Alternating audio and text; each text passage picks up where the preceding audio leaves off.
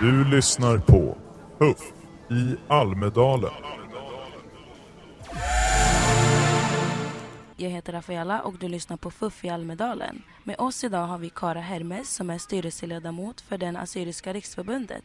I februari i år åkte hon till norra Irak med en riksdagsdelegation där syftet var att besöka olika flyktinglägren och se hur deras levnadsvillkor ser ut samt för att samtala med lokala politiker. Kara, varför är du här i Almedalen? Jo, jag skulle säga att den främsta anledningen är att uppmärksamma de bortglömda minoriteterna i både Irak och Syrien samt att uh, tala om IS och uh, IS framfart i området. Vilka organisationer var på plats för att hjälpa flyktingarna? Under min resa åkte vi till de olika flyktinglägren i de olika städerna.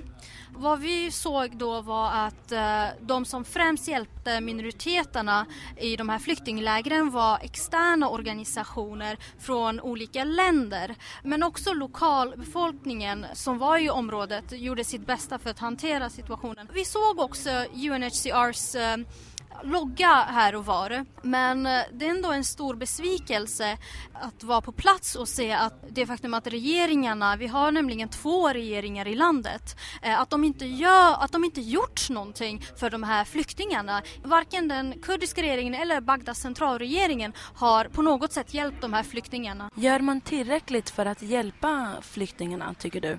Sverige har ju talat väldigt mycket och försökt lyfta upp situationen. Man har talat väldigt mycket om ja, IS generellt och eh, om peshmergas eh, arbete. Vad jag däremot är besviken på är just när det gäller eh, den mil eh, militära hjälpen eh, eller utbildningen som Sverige skickar till peshmerga men, men då inte inkluderar minoriteternas egna trupper i. Det är nämligen så att man exkluderar de eh, assyriska och jezidiska trupperna som finns i området och det tycker jag är väldigt synd eftersom eh, vi behöver inkludera alla krafter i kampen mot IS. Men hur bör Sverige arbeta för att förbättra den här situationen? Ja, om vi tar ett exempel så är, är ju, har vi det svenska biståndet eh, som, som skickas till Irak. Men tyvärr vet vi att, att eh, landet är otroligt korrumperat. Det råder en stor korruption och därför borde man vara väldigt försiktig med till vilka vilka man skickar det här biståndet till.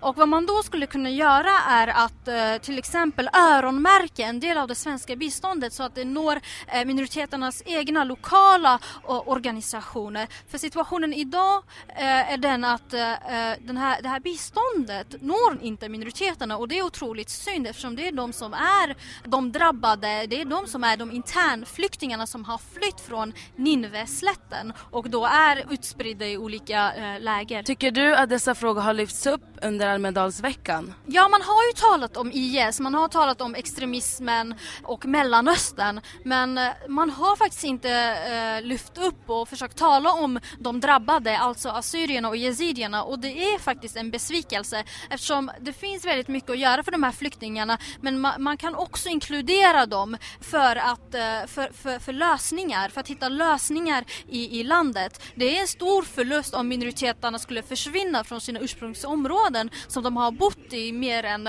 ja, 6000 år. Det är en, en, en lång historia som, ja, det, det vore helt enkelt synd att exkludera dem. Tack så jättemycket för att du tog din tid, Kara. Tack så mycket, tack själva.